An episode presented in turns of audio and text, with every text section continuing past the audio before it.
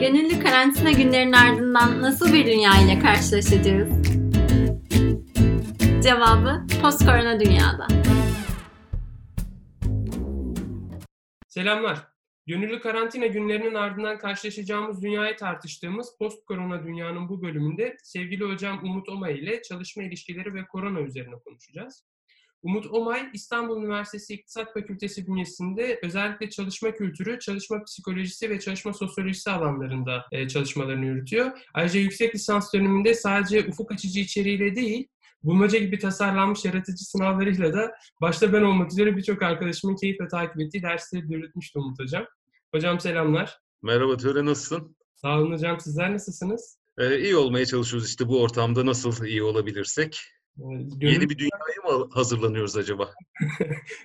büyük, büyük söylemde bulunmak kolay oluyor. Eğlenceli de oluyor aslında ama evet. şeyi de merak ediyorum aslında bakarsan. Sizden de bir geri dönüş almak istiyorum bu konuda. Ee, her her krizden sonra ilk akla gelen şey ve ilk test edilen şey acaba kapitalizmin sonu geldi mi bu sefer gibi böyle bir soru. Bu soruyu size de yöneltmek istiyorum hocam. Acaba gel, bu sefer gelmiş olabilir mi kapitalizmin sonu? Şimdi bu soru zor bir soru, yanıtlaması gerçekten zor bir soru. Bu soruda önce şuna bakmamız lazım. Bu kapitalizm dediğimiz şey ne aslında? Yani buna bakmamız lazım. Şimdi e, gerçekten zor bir soru. Yıllar önce dersteyken bir öğrencim sormuştu. Hocam kapitalizm şöyle yaptı, böyle yaptı deyip duruyoruz. Bu kapitalizm dediğimiz şey nedir? Kimdir? Açıkçası yanıt verememiştim. Böyle tıkanıp kalmıştım. Şimdi kapitalizmi anlamamız lazım. Şimdi tarihçiye baktığımız zaman 16. yüzyıla kadar da indiriyorlar ama bazı tarihçiler e, ilkel topluma kadar dayandırır. E, Marksist literatürü incelediğiniz zaman çatışmalarla ilişkilendiğini görüyorsunuz ve e, insanlık tarihi çatışmaların tarihidir diyor e, Marksizm kapitalizmle ilgili olarak. Şimdi kapitalizmin o doğasını anlamak lazım ve kapitalizmin sona er, erip ermediğini çözümleyebilmek için kapitalizmin neden beslendiğini anlamamız lazım. Şimdi kapitalizm neden besleniyor? Artıktan besleniyor, artık değerden besleniyor, üretim fazlasından besleniyor. Bunu serbest piyasada satmaktan e, besleniyor. Liberallerin kar dediği şeyi oluşturmanın peşinde koşuyor. Ancak bunun yanında bir de emeğin önemli bir etkisi var. Şimdi kapitalizmi tarımdan da başlatabiliriz, tarım toplumundan da başlatabiliriz. Çünkü tarım toplumu zaten bir artık vermeye dayalıdır. İnsanın kendini var edebilmesi için, neslini devam ettirebilmesi için o artığın peşinden koştuğunu görüyoruz. Kapitalizmi kölelikten de başlatabiliriz. Köleliğin tarihi ilginç bir tarih. Bazı yazarlar, Baudrillard mesela yamyamlıkla ilişkilendiriyor. Rakibini mağlup ettikten sonra oturup yemek yerine, o değerli proteini kullanmak yerine kendi yerine tarımda çalıştırmanın daha avantajlı olduğunu fark etti insan ve affedilmiş bir mağluptur diyor köle için. Hatta Latince'de homo servus kavramı kullanılıyor köleyi işaret etmek için. Bu da servus, servare, konserve gibi bir e, beyin jimnastiği yaptıktan sonra kurtarılmış, korunmuş bir insandır sonucuna oluşuyor Baudrillard'a baktığımız zaman. Lengel'e baktığımızda da e, şunu görüyoruz ilk yamyamlıkla başlamış olabilir ya da affetmeyle başlamış olabilir ya da aç birisinin hürriyetinden vazgeçerek, kendini köleleştirerek yaşamını sürdürmesiyle başlamış olabilir diyor. Burada ortak bir yaşam vardır. Bir kazan kazan oyunu oynuyor insanlar. Fakat esas kölelik, bugün anladığımız kölelik yani o problemli kölelik denilen kölelik bunun bilinçli olarak yapılmasıyla başladı diyor. Yani sadece köle edinmek için insanların harekete geçmesiyle bugün anladığımız o kölelik kendisini gösteriyor diye yorumluyor Lengel ve parazit bir ilişkiye atıf veriyor. Köle sahibinin sadece kölenin emeğine ihtiyaç duyduğu bir sürece işaret ediyor. E, bunu da böyle aldığımız zaman bugünkü kapitalizm algımız aslında tarih öncesine kadar dayandırılabilir bir nokta işaret ediyor. O zaman sorumuz şu olmalı. Kapitalizmin sonunun gelip gelmediğini anlayabilmek için bu kapitalizm nereden besleniyor? Buna bir yanıt vermemiz lazım. Şimdi kapitalizm nereden besleniyor? İktisat derslerinde biz hep anlatırız. Sınırsız insan ihtiyaçlarının sınırlı kaynaklarla giderilme çabası. İyi de Bu acaba insan doğasında mı var? Yoksa biz çocukluktan itibaren kültürel olarak bunu aktarıyor muyuz? Bakın burada bir çelişki vardır, enteresan bir nokta vardır. Batı felsefesiyle biz düşünmeye alıştığımız için eğitimimiz de biraz buradan geliyor. Doğduğumuz andan itibaren bu felsefeyi de çocuklara aktarıyoruz zaten. Ancak antropologların çok ilginç tespitleri vardır o ilkel kabilelerde mesela. İlkel kabilelerde bir artık endişesi yok. Tarım toplumuna geçmemişler. Toplayıcılıkla, avcılıkla yaşıyorlar. Ya da bu Güney Afrika'da yapılan bir e, antropoloji deneyidir. Çok ilginçtir sonucu. Çocuklara e, bir ödül vaat eder antropolog. Galiba Hollandalı bir antropologtu. E, ödül de işte en yakındaki ağaca gidip meyveyi alıp eline işte çikolata mı verecek artık bilmiyorum tam hikayeyi. Çocuklar el ele tutuşup koşuyorlar. Ortaklaşa o meyveye ulaşıp geri getiriyorlar. Ve ödülü paylaşıyorlar. Antropolog şaşırıyor tabii ki. Neden böyle bir şey yaptınız sorusuna da biz Ubuntu yaptık yanıtını veriyorlar. Ubuntu bugün bir Linux dağıtımında ismidir.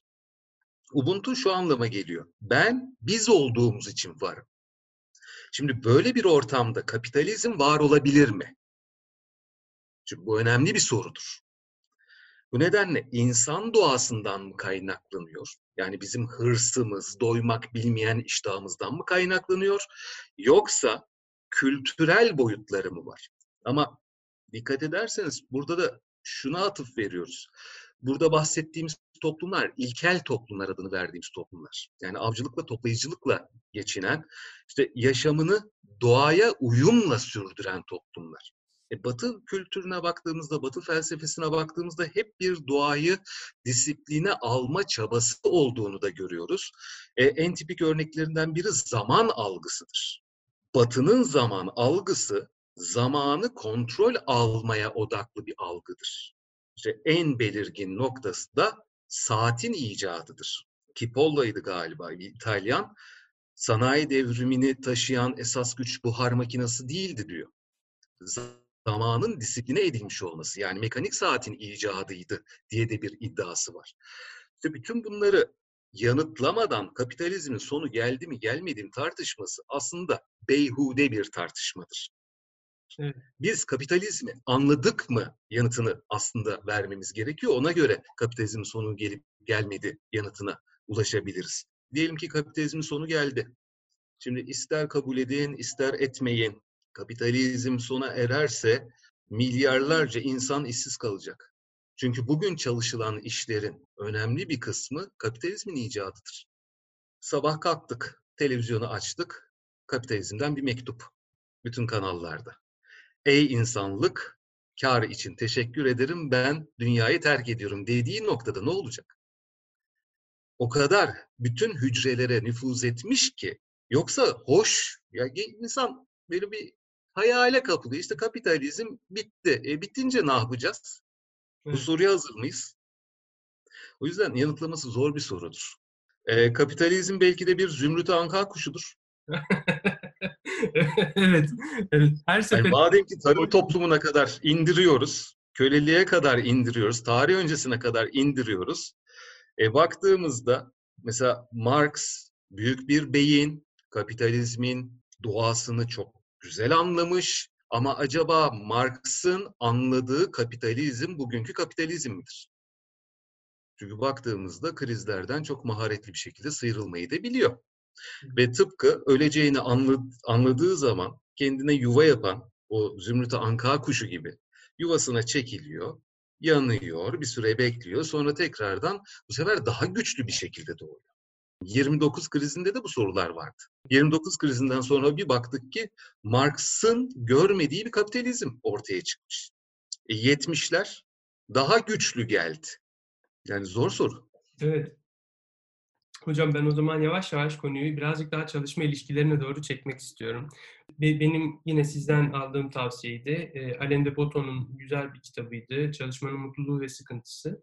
Kitapta Alain de Botton gözlemleri üzerinden e, çalışma hayatını inceliyor. Çalışma hayatı, üretilen değerden ve bu değeri değip değmediğinden aslında e, çalışma değerini tartışan bir kitaptı. Ben o dönemde okuduğumda sanki çalışmanın mutluluğu ve sıkıntısı çok böyle başat gidiyormuş gibi gelmişti bana. Yani sıkıntı çektiğin kadar onun ediminin de tatmin edici olduğu böyle bir kanaatim vardı. E, fakat e, ne yazık ki bu e, gönüllü karantina sürecinde özellikle eşimden gördüğüm kadarıyla sanki çalışmanın sıkıntısı biraz daha arttı. En azından ailemize yansıyan şey bu oldu. Bu süreçte çalışmanın mutluluğu mu daha çok artmıştır veya sıkıntısı mı? Veya sizin ne gözlediniz? Şimdi e, çalışmayı e, incelediğimiz zaman şu soru aklıma geliyor. Mesela çocukken iş yapmaya meraklı çocuklara ne oluyor? Hani biz büyüdüğümüz zaman. İşte annem bakkala gidilecek derdi. Bak lafı çıktığı anda ben dönmüş olurdum bakkalda. E şimdi markete gidilmesi gerekiyor normal koşullar altında. E, markete kim gidecek tartışmasını yaşıyoruz. Ya da bahçenin sulanması gerekiyor. Şimdi ben aplikasyona bakıyorum yağmur ihtimali var mı diye. Yani o iş yapan çocuklara ne oluyor? Şimdi bu soruyu bizim yanıtlamamız lazım. Çalışma mutluluk mu getirir, sıkıntı mı getirir sorusunda. Alain de Botton'un kitabı muazzam bir kitap benim bakış açıma göre. Fakat o kitapta insanların gözünden kaçan bir nokta da var. İşe ve mesleğe bir atıf var orada aslında. İnsanlar genelde bunu gözden kaçırıyorlar ve kime sorarsanız sorun işle mesleği de birbirinden ayırt edemiyor. İş nedir, meslek nedir? Bence çalışmanın mutluluğunu ve sıkıntısını biz buralarda aramak durumundayız. Gerçekten kitapta Alain de Botton aslında biraz da okuyucuya bırakıyor o farkı ayırt etme becerisini. Yazım tarzı çok hoştur. Bilgiyi de verir, anılarını da verir, yeri geldiğinde biraz uydurur. Kimliği vermemek için isim değiştirir. Şimdi orada işle mesleği biz nasıl ayırt edebiliriz? Bugün insanların büyük bir çoğunluğu iş yapıyor. Mesleği olan insan sayısı çok az. Meslekler e, hızlıca yıpratılıyor. Hızlıca o Braverman'ın vasıfsızlaşma dediği süreçli biz yaşıyoruz. Mesleği olan insanlar çalışmanın mutluluğunu hala yaşamaya devam ediyor. Ama meslekler iş haline getirildiği zaman, vasıfsızlaşma ortaya çıktığı zaman işte o sıkıntı vermeye başlıyor. Çok tipik bir sorudur. Çalışma psikolojisi alanında çok bilinen bir sorudur bu. Bugün size piyango çıksa, yarın işinize gider misiniz? Çok önemli bir sorudur bu aslında. Şimdi insanların büyük bir çoğunluğu işime gitmem diyor. Az sayıda insan giderim diyor. Bir grup insan da diyor ki hayır ama kendi işimi yaparım. Kendi işimi kurarım diyor. O zaman buradaki insanları bir ayırıyoruz yaptığım işi yapmaya devam ederim diyen insanlar ya da kendi işimi kurarım diyen insanlar çalışmaktan keyif alıyor demektir. İşe gitmem, hiçbir şey de yapmam, oturum parayı yerim diyen insanların bütün derdi para kazanmak demektir. O zaman bu insanların kafasında çalışmak gerekliliğinden ötürü katlanılması gereken bir pisliktir. net bir şekilde belirtmemiz lazım. Çalışma mutluluk verir mi? Bazılarına verir. Sevdiği işi yapıyorsa, sevdiği mesleği yürütüyorsa bu insanlar çalışmayı hayat tarzı haline getirmiş demektir. Mesela doktorlara bakıyorsunuz. E, şu anda salgında da işte İtalyan doktorlar ya da İngiliz doktorlara bakıyorsunuz. 80-85 yaşında hani büyük tehdit altındaki doktorlar bir çağrı ile geri dönüyorlar. E şimdi normal koşullarda hani nefret ederek, lanet ederek çalışan birisi emeklilik günü sayarken bu adam geri dönüyor. Demek ki bu adamın çalışma ile ilgili bir sıkıntısı yok, bir problemi yok. O çalışmanın mutluluğu, sıkıntısı kitabında e, güzel örneklerden bir tanesi ressam. Ressam para mara kazanmıyor. E, hatta benzerlik şöyle miydi? Kötü bir muslukçunun bir yılda kazandığından daha az para kazanıyor gibi bir mecaz kullanıyor, benzetme yapıyordu. Ve adam orada bir ağaca tutkuyla senelerini harcamış. Ee, akşam çizmiş, gündüz çizmiş, yağmurda çizmiş. Çünkü bu adam aslında iş yapmıyor. Bu adamın bir mesleği var. Ben beş tane farklılık olduğunu düşünüyorum. İşte mesleği ayırt etme konusunda. Şimdi birinci farklılık şurada. Tarihsel geçmişi olan faaliyetler meslektir. İşler büyük ölçüde kapitalizm sonrası dönemde sanayi devrimiyle beraber ortaya çıkmıştır. İkinci bir özellik ünvan kazanılıyor mu, veriliyor mu kısmı. Üçüncü bir özellik tarihsel geçmiş olduğu için mesleklerin bunların genellikle bir odaları oluyor. E şimdi bu üç özelliği bir örnekle açıklayalım. Genel müdürlük. Şimdi öğrencilere sorduğunuz zaman iktisat fakültesinde ne olmak istiyorsun? Birinci sınıf öğrencileri daha e, işte toyluk dönemleri, hayatı toz pembe gördükleri dönemde hepsi CEO olmak istiyor, genel müdür olmak istiyor. Neden olamayacaklarını da anlatıyorum sonra. Biraz hayal kırıklığı yaşıyorlar. Genel müdür olmak istiyoruz. Neden? Çok para kazanılıyor. Bütün algı o yönde zaten. Fakat genel müdür patronun tayiniyle genel müdür oluyor. Seni görevden aldığım dediği anda genel müdür değil artık. O Ahmet Bey. Başka bir vasfı yok. Ve istediği kadar eğitimli olsun, genel müdürlük verilen bir ünvan. Bir odası yok. Genel müdürler odası ben bilmiyorum. Hı hı. Varsa düzelt beni. E bunun dışında genel müdür de olsa emekli olduktan sonra ben genel müdürlük yapmaya devam eden kimseyi bilmiyorum mesela. E bunun dışında yaşam biçimidir meslek. Mesela terzinin yaşı yoktur. Üniversite hocasının yaşı yoktur. 70 yaşında, 80 yaşında, 90 yaşında hala ders vermek insan, e, isteyen insanlar olduğunu görüyoruz. Ya da okulla bağını koparmak istemeyen hocalar görüyoruz ki iyi ki de koparmıyorlar. Bir kere yetişme süreci çok uzun. İnsanlar 40-45 yaşına geldiğinde işte iş yapanlar emeklilik günü hesaplamaya başlar. 40-45 yaşında üniversite hocaları tam verim vermeye başlar. Şimdi arada da öyle bir fark vardır. Şimdi buralarda e, baktığımızda ben hala o, o görüşteyim. Meslek mutluluk verir. İş sıkıntı verir. Çünkü mesleği sürdüren insan zaten keyif aldığı şeyi yapmaktadır ve üzerine de para almaktadır. Evet. İş yapan ise bütün amacı sadece o paraya ulaşmaktır. O yüzden katlanılması gereken bir şeye sürdürüyor. Şimdi bu korona günleri ne yapacak bunu? Korona günleri yeni bir şey getiriyor mu? Bir kere bunu sorgulamak lazım. Ee, benim kafamda iki tane senaryo var. Şimdi iki senaryodan birincisi şu. Batı cephesinde yeni bir şey yok. Birinci senaryo o. Şimdi bu senaryoyu niçin e, ileri sürüyorum? Ha, korona şunu yapabilir ya da Covid-19 şunu yapabilir. Bir katalizör görevi görebilir. Yani hızlandırabilir dönüşüm sürecini.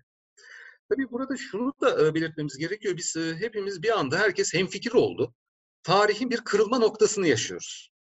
Yani bir, bir buçuk ay işin, e, içerisinde herkes buna hemfikir oldu, ikna oldu. Kırılma dönemi yaşıyoruz. E, olabilir. Bu biraz Zeitgeist denilen o Alman felsefesinde zamanın ruhuna işaret ediyor sanki. Ve zaten çalışmalara baktığınız zaman insanlar genelde karamsar. Öldük, bittik, mahvolduk. Hani iyi bir şey gelecek diyen pek yok. Covid'den önce ne vardı? Ya da bu koronadan önce ne vardı? Bizi nereye götürecek? Eğer Covid'den önceki, koronadan önceki dönüşümde korona bir katalizör etkisi görecekse güvencesiz çalışma, o prekarizasyon dediğimiz süreç, prekaryalaşma dediğimiz süreç hızlıca e, yayılmaya devam edecek.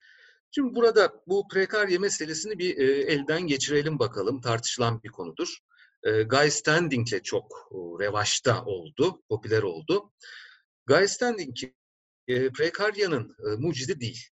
Onu baştan söyleyeyim. Prekarya meselesi 1980'lerden beri tartışılıyor. Fransız sosyologları tarafından ilk tartışmaya açılmıştır ve bunu Guy Standing bizzat kendisi söyler zaten. Ve 1980'lerdeki o dönüşüme baktığımız zaman Fransız sosyologları mevsimlik çalışmaya ya da güvencesiz çalışmaya atıf vermek için bunu bu kelimeyi uydurmuştur. Onu söyleyelim. Precarious e, proletarya kelimesi buradan e, şey yapıyor. Yani güvencesiz proleterler buradan geliyor. Ha bu arada proletarya kelimesi nereden gelir? Bu kelimenin kökenine bakıldığı zaman Marksizmin ya da Marx'ın neden kafayı mülkiyetle bozduğunu net bir şekilde anlarız. Proles'ten geliyor.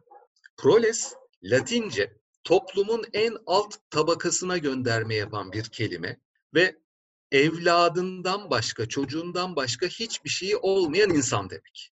Yani mülksüzler sınıfı, mülksüzler grubu. O yüzden proletarya, mülksüzlük, mülk, Marksizmin, Marx'ın düşüncelerinin can damarını oluşturuyor.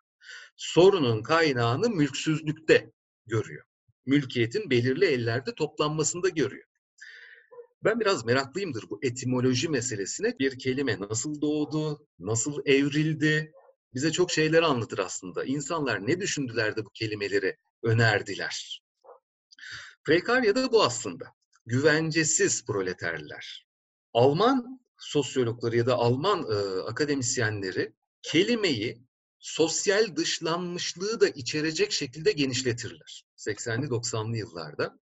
Aynı dönem Japonya'da da benzer sorunlar yaşanmaya başlandığında freeter dedikleri bir kelime uyduruyor Japonlar. Free Arbeiter. Bir tarafı İngilizce, bir tarafı Almanca. Yani serbest, özgür çalışanlar, işçiler diye uyduruyorlar. Peki neden böyle sözleşmiş gibi 80'li yıllarda bir tarafta Fransızlar, bir tarafta Almanlar, bir tarafta Japonlar oturuyorlar, aynı şeyi çalışıyorlar, aynı şeye atıf veriyorlar.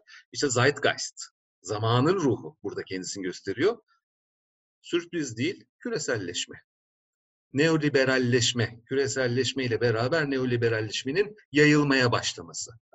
Ne kadar ilginçtir, ne büyük tuhaftır ki 1974 yılı Braverman'ın e, tekelci emek, pardon tekelci sermaye ve emek kitabını yayınlaması, vasıfsızlaştırmaya atıf vermesi ne kadar tuhaf, değil mi? Ne kadar büyük tesadüf. Değil. Hepsi döneminde ne varsa onu anlatmaya çalışıyor. Şimdi Guy Standing aslında bir e, ILO, Uluslararası Çalışma Örgütü uzmanı ve yaşadıklarını, gördüklerini e, betimlediği bu prekaryayı meşhur eden isimdir. Guy Standing'in e, hani analizinde ben doğru olduğunu düşünüyorum fakat analizle ilgili ciddi bazı eleştiriler de var. E, bu eleştirilerden e, bir tanesi e, Ortodoks Marksist yazarlardan geliyor. O, tehlikeli sınıf diyor fakat Guy Standing sınıfı burada hiçe alıyor, hiç hiçe sayıyor çünkü bireyler üzerinden devam ediyor. Yani sınıf demesinin içini tam dolduramıyor itirazları var. Bir grup görüş ise ki ben de aynı kanaatliyim. E, zaten o yüzden prekarya demek istemiyorum. E, post servus demeyi tercih ediyorum. E, başlangıç noktasında biraz sıkıntısı var prekaryanın. Özellikle de Guy Standing'in analizinde. Guy Standing e, endüstriyel vatandaşlıkla çok ilişkilendiriyor bu prekaryanın geçmişini. E, diyor ki İkinci Dünya Savaşı'ndan sonra bazı kazanımlar elde edildi. işte sosyal devlet, refah devleti gibi süreçlerle e, iş güvencesi standart çalışma modelleri kendisini gösteriyor. 70'lerden sonra o Braverman'ın vasıfsızlaştırma çığlıklarının atıldığı dönemden itibaren bir güvencesizlik ön plana çıktı iddiasında bulunuyor. İşte itirazlardan biri başlangıç noktasında ki aynı kanaatte olduğumu söylemiştim. Hatta ben şunu da söylüyorum. Guy Standing başlangıç noktasını 40'lı yıllar değil de 18. yüzyıla kadar götürse, 17. yüzyıla kadar götürse, yani sanayi devriminin o hazırlayıcısı dönemine kadar götürse, aslında şunu fark edecek. Kendisinin normal, bozulma yaşanıyor denilen dönemi, onun iddiasını ettiği dönem aslında bir anomali. Normal bir dönem değil. Çünkü sürece baktığınız zaman süreç zaten güvencesizlik üzerinden hareket etmiş hep insanları güvencesizleştirmeye çalışmışlar.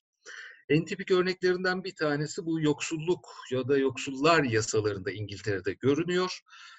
Mesela Townsend diye bir adam var. Townsend çok ilham verici olmuştur birçokları açısından. Ee, yoksullar yasasına itiraz eden birisi. Townsend şunu söylüyor. Kendi işte keçileri, köpeklerini de gözlemlemiş. Oradan e, atıf veriyor.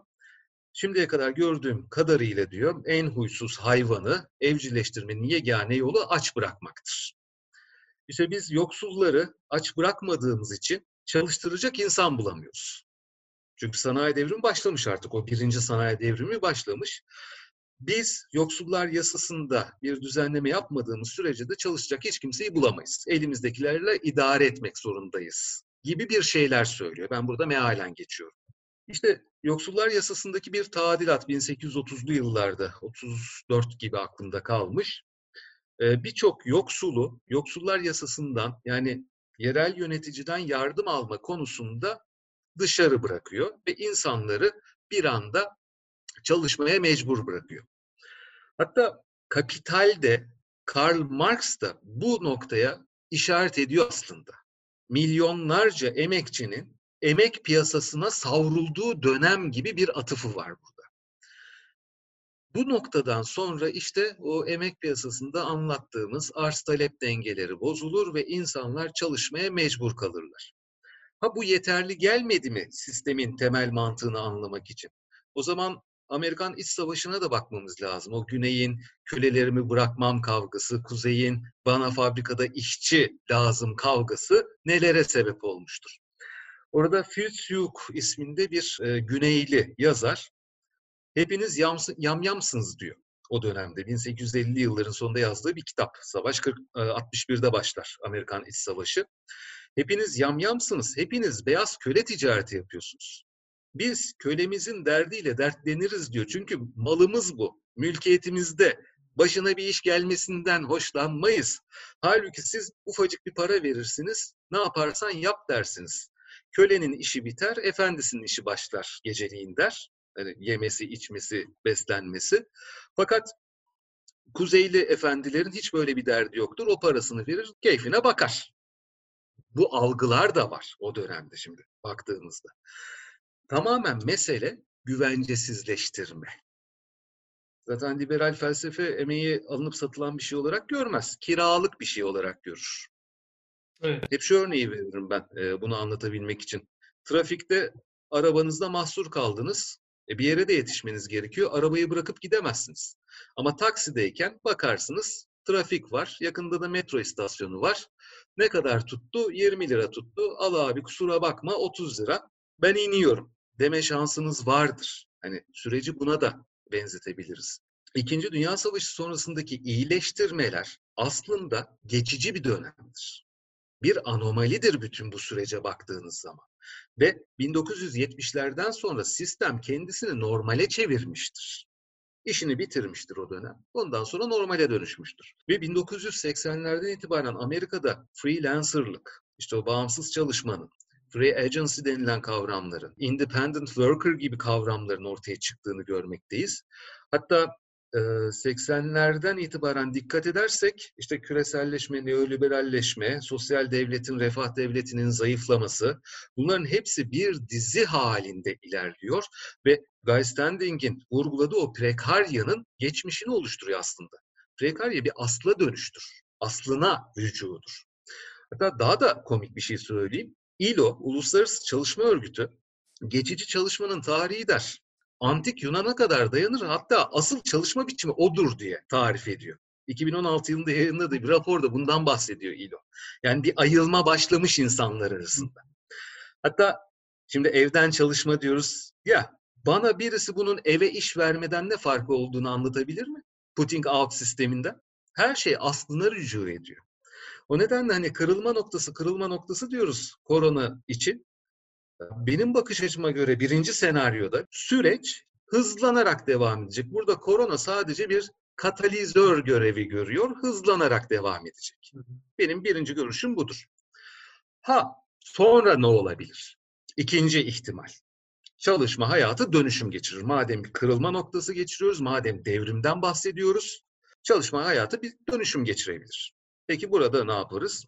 Şimdi bir iyimser bakalım. Zümrüt'e Anka'ya atıp veriyoruz şimdi. Kapitalizme atıp veriyoruz.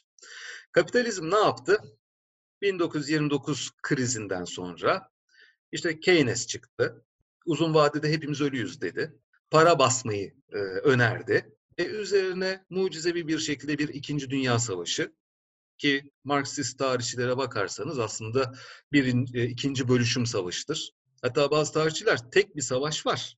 Arada uzun soluklu bir ateşkes var derler. Çünkü savaşın tarafları neredeyse aynıdır ve dert de aynıdır. Hatta İkinci Dünya Savaşı, Birinci Dünya Savaşı dediğimizde benim aklıma şu da gelmiyor değil.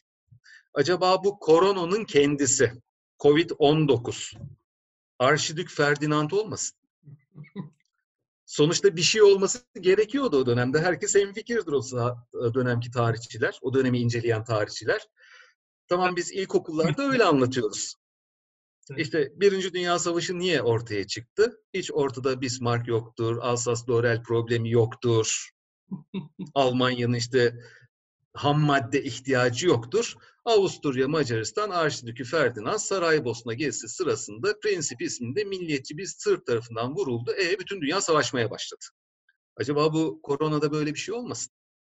Bir şey gerekiyordu. Evet. Yani şey, Kırılma noktası diye ortaya çıktık. Aslında şey e, söz konusu komplo teorisi olmaya başladığında birazcık da Evet. yüksel ki bu yer senin değildir gibi herkes birbiriyle yarışıyor ve bir üste doğru şey yapıyor. Bundan önce dijital dönüşümü tartıştığımızda da dönüşüm, dönüşümün lideri kimdir, dönüşümü kimler gerçekleştirir diye böyle bir e, şakayla karışık bir anladığım kadarıyla bir anket yayınlanıyor. Ve bu ankette işte dijital dönüşüm lideri, işte CDO'lar e, sırayla var ve altında COVID-19 var. E, yani bir- bir- birisi yani zaten seyri devam eden bir süreci bahsettiğiniz gibi belki bir katalizör işlevi e, görmesi için e, entegre olmuş bu şeye e, süre gelişe entegre olmuş bir e, şey e, sadece bir hızlandırıcı gibi de görmek mümkün. E, ama şunu da e, inkar etmek doğru olmayacaktır hocam. Gördüğüm kadarıyla bu çok çabuk etki gösteren bir katalizör. Çünkü yine aynı şekilde kendi çevremden, kendi ailemden, eşimden gördüğüm şeyi söyleyebilirim. Çalışma tam anlamıyla bir freelance çalışma biçimi. E, freelance iş yaptığım dönemde evde oturup ne zaman isterse, ne zaman canım isterse yapabildiğim veya işte, işte daha özgür diyelim buna, e, dışarıya çıkıp dışarıda çalışabildiğim, yeri gel zaman evde çalışabildiğim, özellikle e, işi teslim dönemine doğru çalıştığım ve dolayısıyla yumurtanın kapıya yaklaştığı dönemde o adrenalinden faydalanarak işi hızlandırdığım bir çalışma şekli vardı. Dün eşim gece saat bir buçuğa kadar iş yaptı. Ee, ve sabah saat 9'da e, çoktan uyanıp kahvaltısını yapıp bir şeye başlamıştı, işe başlamıştı. Noktaya da değineceğim. Evet. o noktalara da geleceğim. Aslında aslında benim şey bu, bu burada birazcık daha merak ettiğim bir şey var. Yavaş yavaş ba- bahsetmeye de başlamıştınız özellikle bu prekarya e, mevzuyla birlikte çalışmanın mekanı ve e, şekli, çalışma ilişkilerinin e, mekanı ve şekli yavaş yavaş değişmeye başladı. Peki şey, e, korona ile birlikte post korona dünyada veya buna post demek doğru mu onu da tartışmak lazım. E, post korona dünyada bu burada göreceğimiz tek etki bu dönüşümün hızlanması mı olacak yoksa birazcık daha belki bir zihin egzersiziyle birazcık daha e, yaratıcı veya henüz, henüz görmediğimiz şeylerle de karşılaşabilir miyiz?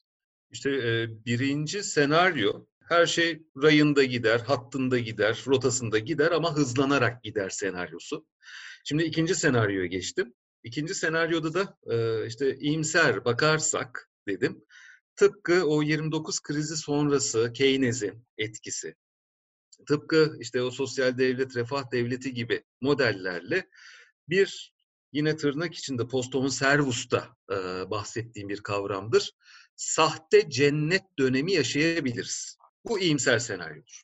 Ki Amerika mesela şu anda ne yapıyor? Ee, 6.6 trilyon dolardan bahsediliyor. Böyle bir parayı piyasaya sunuyor. E, bu Keynes'den beri böyle zaten. Hani sanki iyimser senaryo ortaya çıkacak gibi ilk belirtiler var. E, devletlerin önlemlerine bakıyoruz. Tarihte eşi benzeri görülmedik ölçüde devletler önlem almaya çalışıyor. Kimler için? Özellikle işsiz kalacaklar için. 2008'de o bunalım döneminde de hiç böyle bir şey gerçekleşmemişti. Firmalar kurtarılmıştı. Halk tek başına bırakılmıştı. Amerika'ya baktığınız zaman o işte mortgage krizi denilen krizde. Şimdi iyimser senaryo açısında ben işte bir sahte cennet yaşayabiliriz diye düşünüyorum. Fakat tarih bize şunu da gösteriyor. Sadece sorunları öteliyoruz ve daha büyük sorunlara sebep oluyoruz. İşte 70 sonrası dönüşüm aslında bunun bir sinyalidir. Şimdi bazıları kızıyor erken emeklilik meselesinde, yok emeklilikte yaşa takılanlar meselesinde. Ee, bizim öğrenciler mesela, hocam işte mezarda mı emekli olacağız diyorlar, 65-70 yaşında emekli olunur mu? Vallahi bunun hesabını diyorum, ananıza babanıza sorun. hiçbiri çıkıp da 38 yaşında emekli olunur mu diye itiraz etmedi. Hani tamamen ne yerseniz yiyin torununuz hesabı ödeyecek. Evet. Böyle bir modelle biz buraya geldik geçmiş 70-80 yılda. İyimser senaryo hani tamam iyimser bir senaryo en azından kendi adıma söylersem yaşımı da hesaplıyorum. Eh bir 30-40 senede sürer diyorum. İyi refah içinde ölürüm ben. İyi de benim kendi çocuğum ne olacak? Hani o nereye tostlayacak? Böyle bir yapıya işaret ediyor. Gelelim kötümser senaryoya. Şimdi kötümser senaryo açıkçası e, ben de diken diken oluyorum bu senaryoda. İLO yine Uluslararası Çalışma Örgütü sürekli rapor güncelliyor. Evet. Sürekli kafalar e, karışık. Hatta e, biz de fakültede bir şeyler yazalım, bir rapor hazırlayalım denmişti. Hani bana da çalışmanın geleceği neye dönüşecek korona sonrasında, covid sonrasında diye sordular. Tamam işte sürede şu, tamam. Günlerce internette ben dolandım. Yok hiçbir şey yok. Kafalar darmadağın. İlk kez e, 12 Nisan'da İLO'dan bir ses çıktı. Güvencesiz çalışanları koruyalım. En fazla onlar etkilenecekler diye. Şimdi yine birinci senaryo gibi süreç devam eder diye düşünüyorum. Fakat bunu katalizör kontrolden çıkma ihtimalinde sahip. Yani hızlanmak da kalmaz. Herkesi hazırlıksız da yakalayabilir. Ne olabilir? Şimdi dönüp bakıyorum. Vasıflar birbirine karışmış durumda. Birkaç ay önce sadece vasıfsızların yaptığı işler kıymete bindi. Hayati önem taşıyor şu anda. Doğru. Hani piyasa açısından vasıfsız görülen insanlar kim? Kuryeler mesela. Evet. Hani birkaç ay önce hiçbir şey olamadım bari kurye olayım da karnımı doyurayım, geçimimi sağlayayım diyen insanlar şu anda kıymete binmiş durumda. Ve belki de en vasıflı iş. Birkaç ay öncesinin vasıflıları tamamen şu anda vasıfsız. İşte burada da bir karmaşayı aslında bir çerçevenin içine sokmamız gerekiyor ki doğru anlayalım. Vasıf dediğimiz şey nedir aslında? İnsanlara ben bu yanıtı kendimce bir şeyler söylüyorum. Söylediğim zaman da herkes rahatsız oluyor. Ya olur mu öyle şey diyorlar. İnanmak istememektir belki de bu. Bakın diyorum, emek piyasası adı üzerinde bir piyasadır. Bu piyasada bir alıcı vardır, bir de satıcı vardır. Piyasada hep bize ne anlatılır işletme derslerinde? Müşteri patrondur deriz ya. Emek piyasasında zaten müşteri patron. Emeğin alıcısı aynı zamanda işverendir. Hatta ben şöyle diyorum o postoma servista, işi verendir. Adı üzerinde, işi veren. E, İngilizcesine baktığınızda da çok manidardır aslında. Bir tarafta employee, bir tarafta employer. İngilizce dil bilgisi açısından aktif hamil employer'dır aslında. Yapan eden. Employee pasiftir. Çok manidardır buradaki yaklaşım. O zaman vasfı belirleyen de kişinin kendisi değildir, alıcıdır. Yani müşteridir, yani işverendir, yani işi verendir. Ben Arnavutçadan İbranice, İbranice'den Fince'ye simültene tercüme yapıyor olayım. Böyle bir ihtiyaç yoksa, böyle bir talep yoksa ben vasıfsızım. Piyasada vasıfların birbirine girme ihtimali var. Benim öngörebildiğim e, o katalizörün bir anda bizim üzerimizden hani tırpan gibi geçmesinin birinci etkisi bu olabilir. Bu sonuca da nereden ulaşıyorum? Bu sonuca da aslında yine 80'lerdeki 90'lardaki o dönüşümlerden ulaşıyorum ama sinyali bana Schwab verdi. Klaus Schwab. Şimdi Klaus Schwab kim? Nasıl ki Guy Standing prekarye ile özdeşleşmiştir. Dördüncü sanayi devrimi eşittir Klaus Schwab'tır. Ha, Klaus Schwab kavramı ilk kullanan değildir. Hatta kendisi de bahseder. İlk kez 2011 yılında Hannover fuarında bu kavram kullanıldı der. Neyse, şimdi vasıf tırpan gibi geçebilir de. Şimdi burada ne kadar hazırlıklıyız? Zaten 80'li yıllardan itibaren, 90'lı yıllardan itibaren Rifkin, Jeremy Rifkin çalışmanın sonu geldi. Ne, neyin üzerine söylüyor? O yapay zekaya atıf veriyor aslında ama o zamanki yapay zeka hani bugün bilgisayar e, öğrencisinin ilk yazacağı kodlar kadar bir şey. Ama öngörülü davranmış. Neye dayanarak söylüyor? O freelancerların patlama göstermesine dayanarak söylüyor 90'lı yıllardan. E, söylüyor Rifkin bunu 80'lerde itibaren freelancerlar meselesi gündeme gelmiş. E, Amerikan literatürüne bakıyorum. 2000'li yılların başından itibaren freelancerlık harikadır, evden çalışmak özgürlüktür, şudur budur söylemleri, pompalanan kitaplar. O kitapları hepimiz biliriz. E, o kitapları yazanların da akademik geçmişi nedir, ne değildir tartışmalıdır. Neyse, şimdi Klaus Schwab e, şöyle bir öngörüde bulunuyor. Artık diyor, standart işler rafa kalkacak. O geleneksel işler. Peki hangi standart işler bunlar? Endüstriyel de vatandaşlık olarak tarif edilen Guy Standing tarafından o 40'lı yıllardan sonra sosyal devlet, refah devleti anlayışı içerisinde filizlenmiş, aslında tarihin anormal bir yapısına işaret eden, hiç normal olmayan bir boyuta işaret eden noktanın aslına döneceğini söylüyor Klasçova. Ve şuna hazırlıklı olun diyor. Bir işler portföyünüz olacak. Yani artık tek bir işiniz olmayacak. Birisi pizza dağıttıktan sonra benzincinde benzin pompalayacak, oradan çıkacak boya yapmaya gidecek. 2000'li yıllardan beri de bu işte Jeremy Rifkin'in atıf verdiği çalışmanın sonu tartışmaları.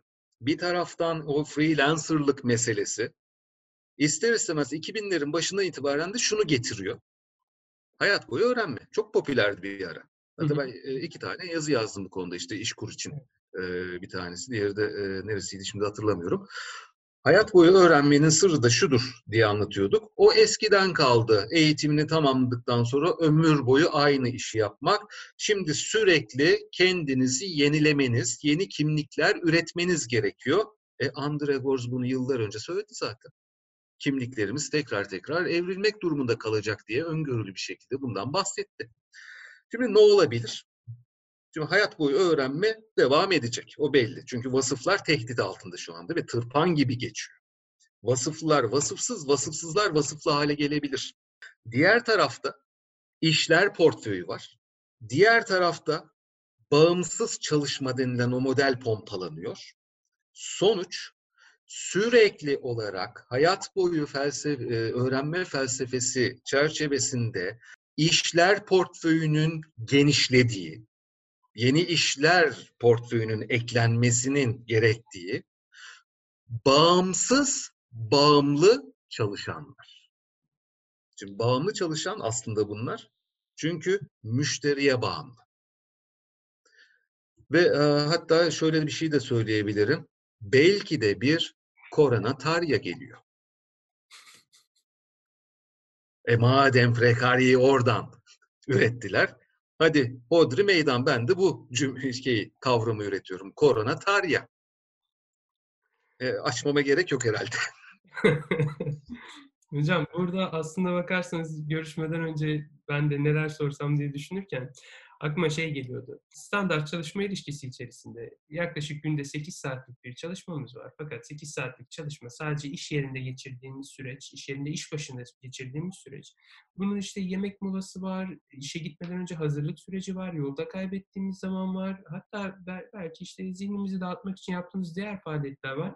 Neredeyse günde 10 saatimizi, 11-12 saatimizi alan bir süreçten bahsediyoruz. Şimdi işleri biraz daha rahat, en azından mekan noktasında daha rahat yapmaya başladığımızda ben ilk başta belirli bir zamanın açığa çıkacağını ve bu açığa çıkacak olan zamanın bize olumlu geri dönüşleri olabileceğini, özellikle boş vakit kuramı çerçevesinde olumlu geri dönüşleri olabileceğini söylemiştim. Fakat siz az önce öyle bir şeyden bahsettiniz ki benim aklımda olan tüm her şey içine kapanmış oldu. Yani sanki o sahip olduğumuz boş vakiti tekrar çalışmak için harcamaz isek o toplumun akışına ayak uyduramayacakmışız gibi bir profil çizdiniz. Benim, benim de doğrusunu isterseniz çok fazla tat alamadığım son dönemde bazı şeyler var. Eskiden işte bir tiyatro, bir sinema, bir konseri izliyor, izleyebiliyorduk. Şu anda bunların tamamını evde oturalım, evde kalalım, evde yapalım diye YouTube'da, hesaplarda ücretsiz bir şekilde izlemeye açtılar. Hatta geçtiğimiz günlerde Benedict Cumberbatch'in Frankenstein'ı oynadığı oyunu da e, açtılar ki bunlar artık e, çok böyle üst düzey oyunlar. Zannediyorum bunları açmaya devam edecekler. Fakat biz hiçbir zaman şey tadını almayacağız. Yani bir o salonda izleme tadını almayacağız. E bu üreticiyi de etkiliyor. Sanatsal şey sanatın üreticisini de etkiliyor. Tüketicisini de etkiliyor. Benzer bir şey müzik için geçerli. Spor için geçerli. Oysa bu faaliyetler aslına bakarsanız boş zamanı inşa eden eylemler, uğraşlardı. Şu anda acaba yeni çalışma biçimi, yeni olası çalışma biçiminin yaratacağı boş vakiti nasıl değerlendirebilir? Şimdi e, e, epey bir zaman önce e, kapitalizmin zaman ve mekan sıkışması yaşadığına dair iddialar vardı. İşte tipik örneklerinden biri mekan sıkışmasında önce küreselleşmeyle kendisini gösterdi. İşte zaman sıkışmasına da bu bir yanıt olarak görüldü. Çünkü e, İstanbul'da borsa kapanıyor, New York'taki borsa açılıyor, New York'taki borsa kapanıyor, Tokyo'daki borsa açılıyor. Yani 24 saat para artık işlemeye başlıyor. Fakat zaman içerisinde şunu da gördük. Artık fiziksel mekanı tüketince sanal mekan üretti. İnternetin kendisi oturduğumuz yerden şu anda alışveriş yapabiliyorsak ya da böyle bir görüşmeyi gerçekleştirebiliyorsak fiziksel mekanı da artık sanal mekana aktardı demektir. Peki Şimdi evden çalışma çok yeni bir şey değil dedim. Birinci sanayi devriminin başlarına kadar dayandırabiliriz. İşte putting out system denilen o eve iş verme meselesini. Bu da aslında nedir? Çalışanın çok işçi diyemiyorum artık o bağımsız bağımlı çalışma meselesinde art, e, çünkü bizim tanımladığımız standart işçinin dışına taşmalar başladı. Çalışanın evine nüfuz ediyor. Bakın bir mekan sıkışmasının çözümüdür bu. Evine nüfuz ediyor. Çalışanın zamanına nüfuz ediyor. Eskiden ne kadar güzeldi. Keskin sınırlar vardı. Şu saatte işe başlayacaksın, şu saatte ayrılacaktın. O zamanki tek derdimiz neydi? İşte sabah kalkıp tıraş olup hazırlanıp e, yola çıkmak. O sürede aslında çalışmadan niye sayılmıyor diye hayıflanıyorduk. Şimdi 24 saatimizin içinde dilediğince kullanabildiği bir yapı var. Yani zamanımın içine de nüfuz ediyor. E, bu durumda boş zaman eski anlamını yitirmeye başlıyor. Hatta şimdi liberalizm geleneksel toplum yapısını yıkıp e, ortadan kaldırırken yerine neyi koydu? Bireyi koydu. Şimdi birey kelimesi atoma, eski Yunanca'dan, antik Yunanca'dan geliyor. Bölünemeyen demek. Benim zamanımı da artık daha ufak parçalara ayırmaya başladı. İşte 8 saat uyuma sürem. 8 saat kendime ayırdığım sürem. 4 önce 4 sonra. 8 saat çalışma sürem. Yok artık. Saniyeler var. Şu saniyede işimi yapacağım, biraz soluk alacağım, bir saniyede de bilmem neyi yapacağım. Buralara nüfuz etmeye başladı artık. Ne yapıyoruz? Zamanı artık ödünç almaya başladık. Yani nasıl parayı ödünç alıyorsak, kendi zamanımızdan da ödünçler almaya başladık dinlenmemizi ötelemeye başladık. Bu dinamizm içerisinde bir çalışma hayatı yaşayan birisi gerçekten emekliliğini görebilir mi? En azından kendi rejenerasyonunu tamamlayamıyor, dinlenemiyorken. 70 yaşını, 68-70 yaşı görüp emekli olabilir mi bu insanlar? Emeklilik neden var? Ya da emeklilik dediğimiz kavram kimler için var? Az önce de söyledim hani bir mesleğiniz varsa emeklilik hayatını pek kurmazsınız. Hani zaten ömrünüze adadığınız bir şeydir. Onu yapmaya devam edersiniz. İşiniz varsa emeklilik derdinizdir. Şimdi emeklilik neyle ilişkilendirilmiştir? İnsanın çalışamama riskidir aslında emeklilik. Yaşlılıktan kaynaklanan bir risktir. Peki şöyle düşünelim. Bu emeklilik dediğimiz şey bireyi korumak için mi var? Yoksa bireyin tüketim gücünü korumak için mi var? Birey tüketim gücünü neye istinaden koruyor? Ötelenmiş bir alacak üzerinden kuruluyor. Çünkü ben e, yine derslerde bahsederim e, sosyal sigorta sistemi e, anlatabilmek için. Sigortacılık derim aslında bir bahistir. Hani genel olarak baktığımızda ben sigorta şirketiyle bahis oynuyorum aslında. Sigorta şirketi e, ne diyorum ki bu sene ölebilirim. Ölmeyeceksin diyor. Elinde veriler var. Sağlığımla ilgili ya da yaşam tarzımla ilgili. Ölürüm ölmezsin. Var mısın bahse. Sen 4 bin lira ver, ölürsen yakınlarını 40 bin lira vereceğim. Trafik kazası yapabilirim. Yapmayacaksın, iyi şoförsün sen. Var mısın bahse. Değil mi? Evet. E, sosyal sigortaların da içeriğine baktığımız zaman neyle sınırlıdır? Bireyi çalışamama riskine karşı korumakla sınırlıdır aslında. Başka bir şey olmaz. E, ne güvence altına alınıyor? Ya da kurumla biz neyin bahsini tutuşuyoruz? Çalışamama riskinin bahsini tutuşuyoruz. İş kazası geçirebilirim, meslek hastalığı geçirebilirim. En mutlak risk hangisi? Yaşlanma riski. Ama dikkat edin, yaşlanma riskinin bizim uygulamamızda kardeşleri de var. Malüllük, yaşlılık ve ölüm. Sigortanın ismi bu. Malüllük, yaşlılık ve ölüm. Çalışamama riskini e, garanti altına alıyor. Peki kim garanti altına alıyor? Hem ben prim ödüyorum, hem de işverenin prim ödüyor, hem de devletin e, işte çeşitli katkıları oluyor sistemde. Peki aslında korunmaya çalışılan şey ne? Ben ve yakınlarımın geçinme mi yoksa çalışamayacak durumda olan bir va- vatandaşın ertelenmiş alacağı sayesinde tüketimine devam edebilmesi mi? Tamamen bakış açısının farklılığıyla ilişkilidir bu soruların yanıtı. Yani çok hümanistsinizdir. Dersiniz ki o bireyi korumaktır. Biraz karamsarsınızdır. Dersiniz ki yok sistemin kendi devamlılığı için bulduğu bir formüldür. Zaten o fonları da kendisi kullanıyor emeklilik dönemine kadar.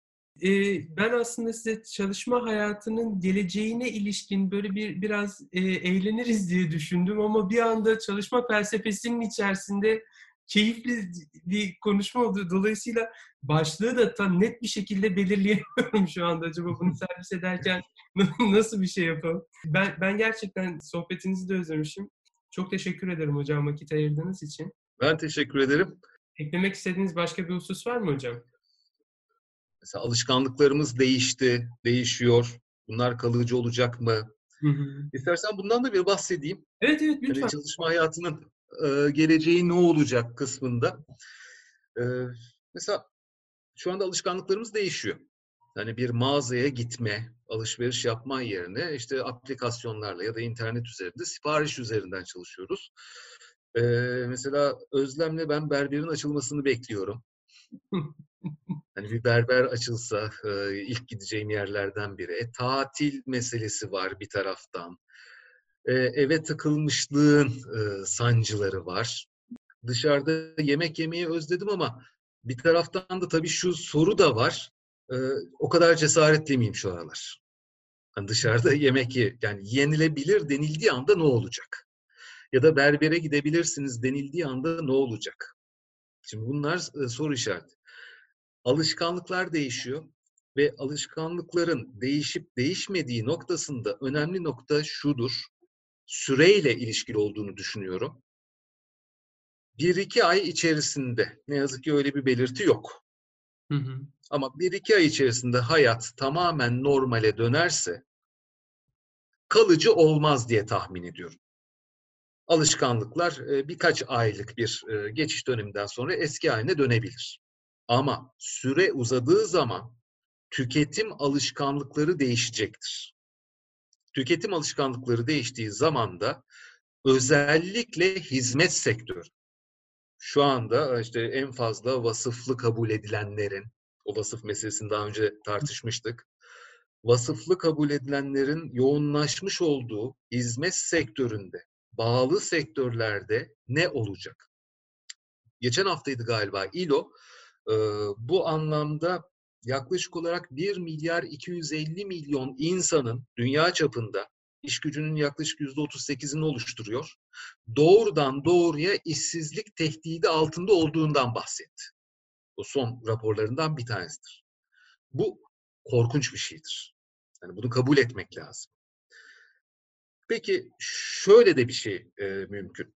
Şu anda öngöremediğimiz yeni işler tabii ki ortaya çıkacaktır. Yani yandık, öldük, bittik demiyoruz da bu işlere insanlar ne kadar hazır? Bu işlerin ne kadar farkındayız?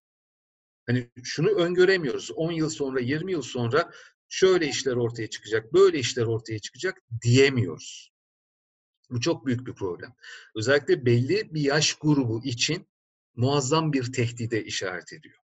Gençler kolaylıkla adapte edebiliyorlar, uyum sağlayabiliyorlar sürece. Hı hı. Ama ne ortaya çıkacak? Nasıl evrilecek? E işsiz kalan milyonları, milyarları biz ne yapacağız? Tekrar ediyorum, tarihte görülmedik ölçüde devletler önlem almaya çalışıyor. Tamamen işsizleri e, koruyacak, işsizleri e, işte güvence altına alacak önlemler ama bunlar da ömür boyu sürmeyecek. Hani birkaç aylık önlem, önlemler var bunlar. Sonrasında ne olacak? Bilemiyoruz. Bir de şöyle bir e, noktaya dikkat çekmek istiyorum. Eve hizmetler meselesi, işte self servisler meselesi, hatta drone kullanımı meselesinde işverenler çok keyifli tasarruf alanı keşfettiler kendileri adına. Yani birkaç ay sürecek olsa ve hemen sona erip de biz eski yaşamımıza dönmek istesek bile işverenler bunu bize sunacak. Evet. Ve bunu da belirtmek lazım. Çünkü tadını aldılar artık. Son bir nokta da şu Post Homo Servus'un son kısmında şöyle bir tartışma açmıştım. Bence gayet isabetli olmuş hele şu yaşadığımız dönemde. Bir bulut insana mı evriliyoruz? Hatta o işte katı olan her şey buharlaşıyor. İnsan da buharlaşıyor aslında. İş hayatı da buharlaşıyor. Yeni iş yapma biçimlerine baktığımız zaman işte o yığın çalışma diyorlar. O işte o nedir? Taksicilik. Hani aplikasyonlar üzerinden taksicilik o işler. Hatta bunların e, merkez firmalarıyla e, ilgili şöyle anekdotlar var yine kitapta bahsetmiştim.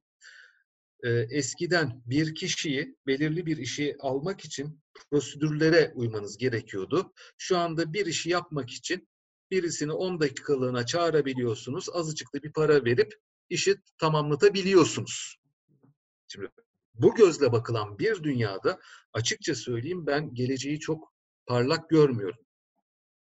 E şimdi sosyal dumping gibi meseleler vardı. Amerikalı işçilere Çinli işçiler rakibi olmuştu. E, internet üzerinden evden çalışma söz konusu olduğunda bütün dünya artık birbirinin rakibidir. Yazılım sektöründe bundan önceki yıllarda gördüğümüz bir şeydi bu. Özellikle e, batılı yazılımcıların ikamesi olarak e, Hintli yazılımcıların devreye sokulması gibi bir şey. Ve tabii o da e, bu piyasadaki işte dibe doğru yarışı başlatan e, bir şey tetikleyici oluyor. Evet yani e, o yüzden hani çok iyimser bakamıyorum. Ama dediğim gibi e, gereksiz bir kötümserlikle yaşıyor olabilirim. Sonuçta her kriz kendi fırsatlarını üretiyor fakat bunların ne olabileceğini şu anda okumak çok zor. Eldeki verilerden hareket ederek. Hani neydi, nasıl geldi, şu anda nasıl ilerliyor, nelerin üzerinden ilerliyor üzerinden ancak tahmin yapabiliyoruz. Hı hı. Hani belki de birkaç sene sonra geri döneceğiz ve güleceğiz halimize. Diyeceğiz ki ne kadar kötümsermişiz. Aa cennete ulaştık. Sahte cennet dediğim o. Hı hı. O zaman işte işte kötümserlik unutulur gider. Ama ne olur ne olmaz hakikaten e, tahmin etmesi çok zor. Onu da belirtmem gerekiyor. Şey gibi e, bu fil hikayesinde olduğu gibi filin neresinden tutarsa ya, herkes neresine dokunuyorsa oradan ele alıyor. Bu sefer zannediyorum fil çok büyük. Yani sirayet etmediği toplumsal alan kalmamış. E, dolayısıyla tahmin etme durumu daha da güçleşiyor zannediyorum. Hani belki de dediğin gibi tahmin ediyoruz ama konduramıyoruz. evet. Kondurmak istemiyoruz hatta. Hadi canım olur mu öyle şey diyoruz ama e, bu kadar e, yaşım var. Olur mu canım dediğim her şey de oldu. Yani yok artık dediğim her şeyi de gördüm.